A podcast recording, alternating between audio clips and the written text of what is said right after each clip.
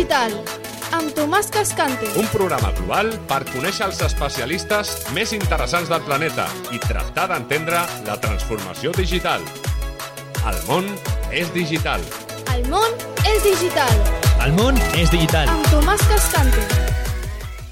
Hola, benvingudes, benvinguts un cop més a El món és digital, un programa que fem amb la col·laboració de PIMEC, la patronal de la petita i mitjana empresa i dels autònoms de Catalunya. Avui parlarem d'intel·ligència artificial i ho faré eh, passant avui unes entrevistes que vaig fer pel meu podcast Opinauta a l'abril-març d'aquest any, però que avui, al desembre, són de total actualitat.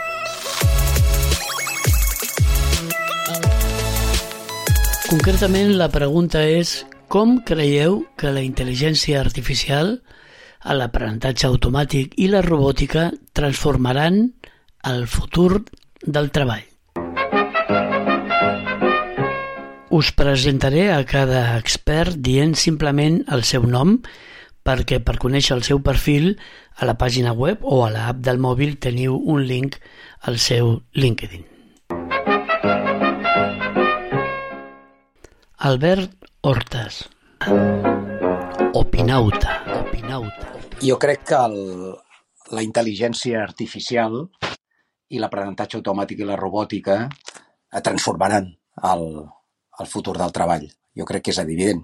És, evidentment, és un moment que estem en una revolució tecnològica important. Les noves tecnologies ens han portat a un canvi sociològic, les xarxes socials, la manera de comunicar, la manera de transmetre les coses i d'explicar-nos davant de tothom. Abans hi havia els canals tradicionals, ara hi ha doncs, tot aquest sistema de xarxes que empodera la gent i crec que una altra revolució és la intel·ligència artificial. Jo crec que aquí hem de ser molt realistes de que, evidentment, evidentment hi haurà llocs de treball que amb això quedaran mal parats, no? I que les màquines ho faran. El repte, jo crec, i la part positiva que em vull quedar amb tot això, no és aquesta de només doncs, eh, lamentar-nos perquè passi això, sinó perquè hi ha un repte molt important i és com les persones i com les màquines es complementen entre elles mateixes. Jo crec que el valor afegit en l'economia és eh, que una màquina mai, mai, mai podrà substituir el valor afegit d'una persona des del punt de vista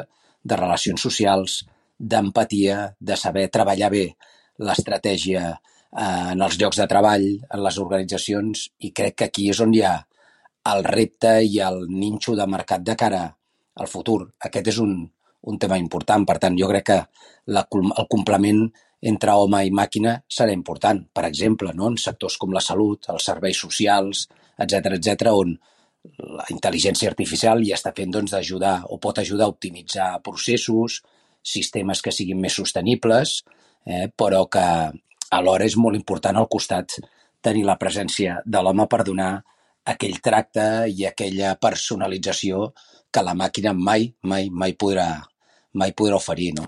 I jo crec que un altre element, el tema de dades i la privacitat de les dades, el respecte de la privacitat amb tot això, que és evident que aquest tema no està resolt, és molt complicat i aquí sí que també és un repte de cara al futur, doncs, com la intel·ligència artificial doncs, també que és un altre afegit en aquesta revolució tecnològica, com fem doncs, que hi hagi una privacitat, una certa privacitat de dades. Sabem que totes les dades i tots estem controlats, hi ha un núvol on eh, té totes les nostres dades, però eh, ha d'existir aquesta privacitat, no? I crec que també és el, el repte dels propers anys en aquest món tecnològic que vivim. Gràcies.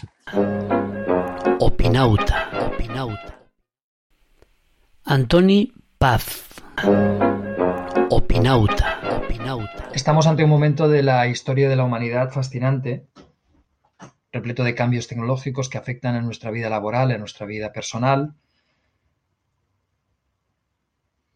Y por lo tanto es uh, imposible uh, parar este, este, esta transformación. Nos vamos a transformar seguro.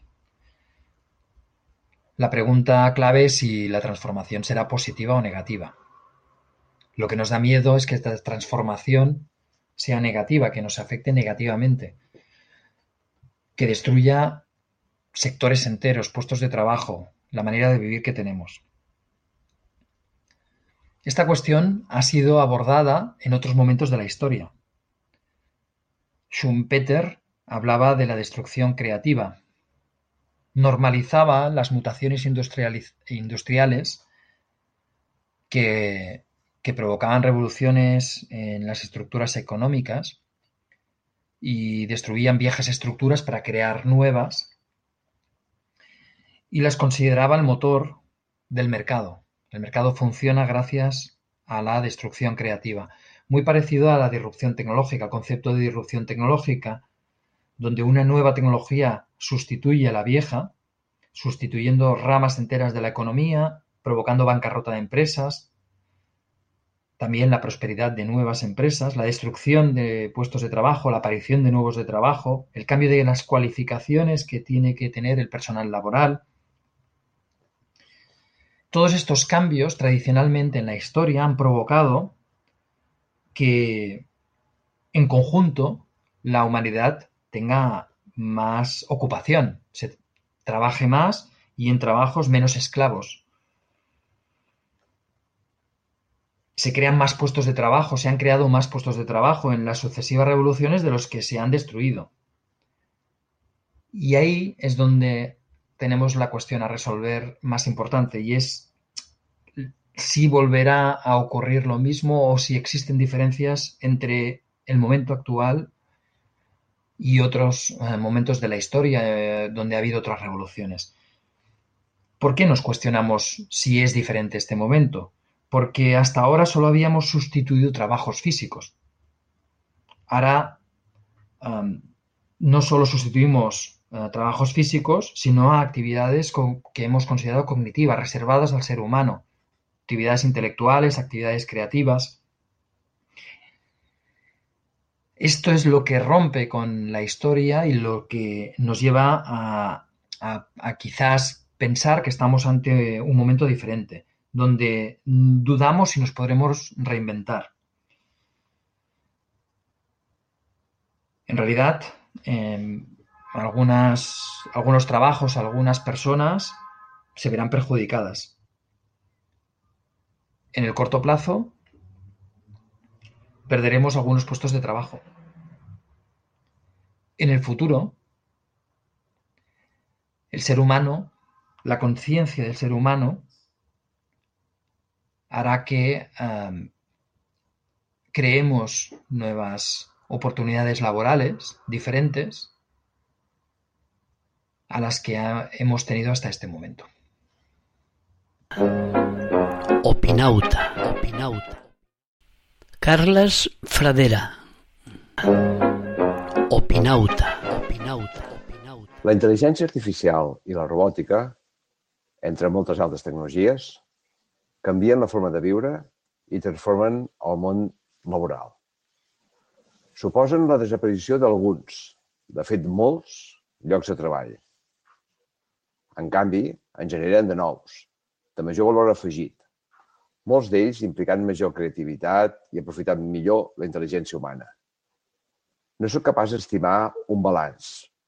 Es poden quantificar els llocs de treball que es perdran, però és impossible fer-ho pels que es crearan. Se'n creen molts i a llarg termini segur que molts més que els eliminats. El que sí podem assegurar és que seran llocs de treball radicalment diferents. Llocs de treball millors, perquè eliminem tasques simples, tasques repetitives o fins i tot tasques perilloses. I assumim nous rols en què podem avançar de forma molt més ràpida i eficient. En aquest escenari ens hem de preocupar? Sí, ens hem de preocupar. I ens hi hem d'ocupar. El nou escenari exigeix competències transversals a les persones a tots nivells. Ja sabeu, competències del tipus capacitat de treball en equip, empatia, priorització, agilitat a la presa de decisions, i exigeix també actualització de coneixements de forma permanent i durant tota la vida laboral. Està clar que això pot generar fractura, pot provocar desigualtats socials i fins i tot la marginació de determinats col·lectius. Soc, però, optimista. En el nostre model social més proper, el model català, l'europeu, hi ha una forta interrelació entre sector públic i sector privat. entre governs, empreses, agents socials, entitats que agrupen col·lectius de diversos tipus, ens de formació, de recerca, de transferència. Aquesta realitat, que té els seus passius, a vegades són massa lents i massa costos, però ara d'haver idoni per donar resposta al repte generat, perquè podem fer la transformació de forma conjunta. És idoni per donar resposta a aquests canvis en el món de treball. Això sí, ens hi hem de posar les piles, com les bateries del vehicle elèctric, i hem de treballar sense defallir, com els robots, i, per suposat, ho hem de fer de forma intel·ligent. Opinauta, opinauta. Carles Grau. Opinauta, opinauta, opinauta. I com la intel·ligència artificial, l'aprenentatge automàtic i la robòtica canviaran el futur del treball? La realitat és que el món industrial fa dècades que els robots eh, van substituir moltes de les tasques que fèiem els humans a plantes de fabricació d'automòbils per tasques com la soldadura, la pintura i algunes tasques de muntatge. Estem veient com la digitalització està comportant una desintermediació que afavoreix nous models de negoci i noves feines que fa uns anys podien semblar-nos impossibles. La meva visió és que totes les tasques seqüencials repetitives de moltes feines que fem els humans actualment seran substituïdes per robots i ho estem veient dia a dia amb l'ús, per exemple, de chatbots a centres d'atenció a clients per fer el primer nivell d'atenció o amb els propis anàlisis i verificació de documents amb alguns processos de negoci. És cert que aquests canvis estan generant una destrucció de llocs de treball, però alhora la digitalització i la innovació en moltes companyies està generant un efecte net positiu amb una generació d'un 30% més de nous llocs de treball incrementals, però són llocs de treball que requereixen una formació de més nivell i de més qualitat. Tasques com la de creativitat, disseny, experiències d'usuari, tot el que té a veure amb intel·ligència emocional, anàlisis de dades, entorns de decisions complexes, requereixen humans capacitats amb una formació i amb unes competències i l'única manera d'adreçar aquesta oportunitat és la formació contínua i aproximar-nos a un procés d'innovació a les nostres organitzacions. Eh, aquesta formació contínua eh, serà la benzina que ens ajudarà a activar el motor de la curiositat i a desenvolupar noves habilitats com a professionals. És clau en aquest entorn que desenvolupem capacitats com la bona gestió de projectes, els soft skills, eh, com és el cas de la intel·ligència emocional i sobretot també una bona capacitat de comunicació. I en tot aquest context, les dades jugaran un paper central, un paper capital. Es convertiran en un dels principals actius de la nova economia. I aquí és important que amb la gestió d'aquestes dades i la gestió dels sistemes i els algoritmes d'intel·ligència artificial no oblidem mai tenir un enfot ètic i humanista que posi les persones en el centre i que faci que, com sempre, la tecnologia ens ajudi a millorar les nostres experiències, la nostra productivitat i les nostres capacitats, proposant a la persona amb el centre de tot. Opinauta, opinauta. David Boronat. Opinauta, opinauta. Tomàs, què tal? Pues, bueno, està clar que l'impacte serà molt gran eh, i ho serà perquè ens tocarà a tots aprendre a treballar d'una manera ben diferent.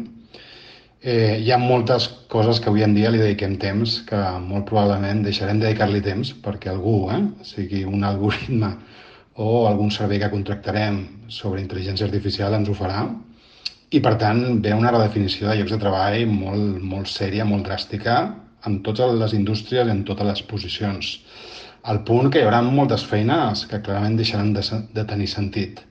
I per tant la pregunta que ens haurem de fer és i a què ens dediquem nosaltres? No? I en aquest sentit jo crec que encara hi ha eh, molt per fer perquè eh, tot el que ens està portant aquest tipus de noves tecnologies és una invitació a repensar-nos de dalt a baix, tant per dintre, dintre de les organitzacions, com fora. No? I per tant, doncs, podrem crear, per exemple, més valor allà on anem curs, no? sense anar més lluny, en temes d'experiència de client hi ha N per automatitzar, però encara més per sorprendre el client, no? I aquí doncs, necessitarem enginy, curiositat, innovació i ganes de fer les coses eh, diferents, no? Per tant, sí, clarament venen, venen canvis molt significatius i jo crec que ens obliga a tots a posar-nos a estudiar més que mai i entendre d'alguna manera quin és l'encaix que hem de tenir i com d'alguna manera podem utilitzar totes aquestes noves tecnologies, anem a dir, per crear eh, més valor, clarament. Opinauta, opinauta. Jordi Marín. Opinauta, opinauta, opinauta. Tomàs, és, dir, és una pregunta complicada per respondre en tan poc temps, però bueno, jo crec que, com bé sabem, la intel·ligència artificial, l'aprenentatge automàtic, la robòtica, etc etc estan transformant radicalment el, el futur del treball. la injecció, per exemple, d'intel·ligència artificial o algun d'aquests elements i avenços tecnològics estan transformant com es treballa, estan facilitant, automatitzant moltes tasques, lliberant de tasques eh, mecàniques, eh, de moltes tasques mecàniques, inclús millorant eh, la productivitat, millorant l'eficiència en molts casos i, i trastocant, per dir-ho així, o transformant eh, molts sectors i, i, i moltes feines. No? Hi ha molts càlculs de la destrucció de llocs de treball que, que suposarà, eh? des de pues, alguns que parlen de, de, de 85 milions d'empleos de, a, a més de 300 milions. No? O sigui que, que ho acabarem de veure. No? I aquesta lliberació de parts mecàniques, però també en el tractament de dades, o ara estem veient amb el xat GPT la potencialitat que té en transformar a moltes feines. Jo què sé, per exemple, exemples concrets com per exemple poden ser els call centers o, o l'atenció eh, remota i automatitzada de dades, la transformació pot ser també en l'ensenyança, en parts de la salut, eh, etc. Bueno, per tant, però com en tota gran revolució, la de llocs de treball també ha implicat en el passat, i ho hem vist en les altres revolucions, la creació de nous eh, llocs de treball i el, creixement de molts llocs de treball. No? Segurament, en aquest cas, llibera totes les parts mecàniques i llavors entra en funcionament la potenciació de totes les parts més humanes no? o de totes aquelles habilitats que tenen que veure amb la part més humana, no? amb la creativitat, amb la innovació, amb el pensament analític, amb la intel·ligència emocional, amb la personalització, etc eh, etc. no? Per tant, jo crec que s'obre un món eh, de possibilitats. Primer, en l'àmbit més STEAM, per dir-ho així, les professions del futur més vinculades a l'STEAM, que això m'ha insistit molt i, per tant, també més vinculades a la tecnologia com a, com a tal, però després també totes aquelles més vinculades a la creació, no? a la creativitat, etc etc. que jo crec que encara que és veritat que les intel·ligències artificials també estan entrant en aquests àmbits, segueix sent una capacitat eh, molt humana, i totes aquelles que té que veure amb la persona, no? l'atenció a les persones, amb la persona, eh, sé, doncs, inclús els coach, els entrenadors personals, el cuidado de les persones, etc etc des d'aquesta perspectiva, i segurament tots els àmbits que tenen que veure també amb salut, medi ambient i en altres àmbits. Per tant, jo crec que el potencial és eh, important, no? I ho hem de veure, jo crec, des d'aquesta perspectiva, no? O sigui, com en tota gran revolució es destruiran llocs de treballs. Les tecnologies de les que estem parlant han vingut aquí per ajudar, per dir-ho així, per llibrar-nos d'aquells àmbits més mecànics i per potenciar la nostra intel·ligència. Tota aquesta capacitat de procés el que fa és potenciar totes les nostres capacitats en molts, en molts àmbits i, per tant, amb un gran impacte de transformació de la nostra societat i jo crec que genera i crea un gran gruix d'oportunitats més vinculades a la potenciació de les parts humanes. Eh? I ja les hem destacat. La creativitat, la tecnologia, eh, a tots aquests àmbits, l'estim, la, la salut, eh, el medi ambient, els serveis personals. Eh? Bueno, espero haver pogut respondre en tan poc temps a, al que demanaves. Gràcies, demà. Opinauta, opinauta. Josué Sallent. Opinauta, opinauta. Jo aquesta pregunta no la faria tant en, en futur, sinó en present, perquè ja veiem que de, moltes d'aquestes tecnologies, especialment tot el tema de la robòtica, està, està incidint en el, en el treball, però jo més que eh, parlar d'allò clàssic de que es crearan llocs de treball a l'hora que es destrueixen i aquests discursos més o menys habituals, la meva reflexió eh, la vull fer al voltant de la, dels drets dels treballadors. Uh, estem veient que, que, que aquestes tecnologies són intensives en capital, per tant, uh, principalment els, les grans empreses són les que ho utilitzaran, i aquesta concentració fa que el poder dels treballadors cada vegada sigui més petit. Uh, menys capacitat de negociació, menys capacitat de uh, conservar els drets que s'han adquirit durant, durant els últims segles. Això en el món occidental possiblement eh, succeeixi menys, però en aquells països amb, on els drets dels treballadors no estan tan consolidats, i aquí podem parlar perfectament de, de Xina, veurem com hi ha una degradació dels seus drets. Una degradació dels seus drets que es traduirà amb, amb, amb una competitivitat major de les seves empreses, que es traduirà amb amb, amb, amb que hi haurà una pressió sobre el mercat laboral uh, occidental. Uh, I això jo crec que produirà tensions. Insisteixo, no només pel que és la creació i destrucció de llocs de treball, sinó per les condicions laborals i els sous dignes dels treballadors. Opinauta, opinauta. Ramon Palacio. Opinauta, opinauta. Voy a intentar responder la pregunta de cómo la inteligencia artificial y la robótica transformarán o ya han transformado el mundo del trabajo. Eh, vivimos en un mundo de, digital, eh, con algoritmos. Los algoritmos gestionan rutinas y gestionan procedimientos. Y eso ya ha transformado el mundo del trabajo. Por decir de alguna manera, ya eh, la, banca, la industria, el comercio, la educación ya están transformados, con lo cual mm, partimos de conocido. Eh, la robótica es, por decirlo de forma simplificada, la digitalización de la mecánica. Y esto está afectando ya, y afectará mucho más, a todos los trabajos manuales. De hecho, ya hemos visto eh, cómo los procesos industriales se han robotizado, cómo los peajes de las autopistas se han robotizado, cómo las oficinas bancarias se han robotizado, etcétera. Eh, significa esto que la robótica está afectando todos los trabajos manuales.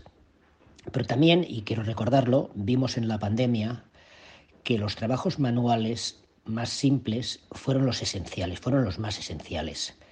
Eh, esto significa que la robótica puede transformar algunos de los trabajos manuales, pero no los que requieren la relación persona a persona, lo que son los servicios personales. Vamos a la inteligencia artificial. La inteligencia artificial, paralelamente a la robótica, va a transformar los trabajos intelectuales. Por poner unos cuantos ejemplos, los programadores de software, los diagnósticos médicos, la educación, la investigación científica, e, etc. todo este tipo de trabajos, los más intelectuales, son los que van a ser claramente modificados por la inteligencia artificial. Mm, el problema de las fake news existía y existe y existirá. Las fake news estaban en el boca a boca, estaban en la prensa, estaban con los algoritmos y van a seguir estando con la inteligencia artificial, pero no son eh, privativos de ninguna de estas eh, tecnologías. Con lo cual es un poco falaz hablar de fake news e inteligencia artificial cuando ya viene de antes. Lo mismo diría de la privacidad. La privacidad la gestión de la privacidad tenía que hacerse en el mundo analógico, tiene que hacerse en el mundo digital y tendrá que hacerse en la inteligencia artificial. Pero esto, que se toma como argumento para eh, restringirla en determinados países europeos, no es privativo de la inteligencia artificial, viene de antes. Lo que sí es privativo de la inteligencia artificial es que detrás no hay un programador y no hay un responsable directo, con lo cual la ética de la inteligencia artificial es lo, es lo complejo cómo se gestiona, quién es el responsable. Dicho esto, eh, por resumirlo, diríamos que eh, lo que ha hecho la robótica con los eh, empleos manuales, los trabajos manuales, lo va a hacer la inteligencia artificial con los empleos, em, los empleos no manuales, con los empleos intelectuales. I fins aquí aquest conjunt d'entrevistes sobre la intel·ligència artificial. El món és digital. Amb Tomàs Cascante.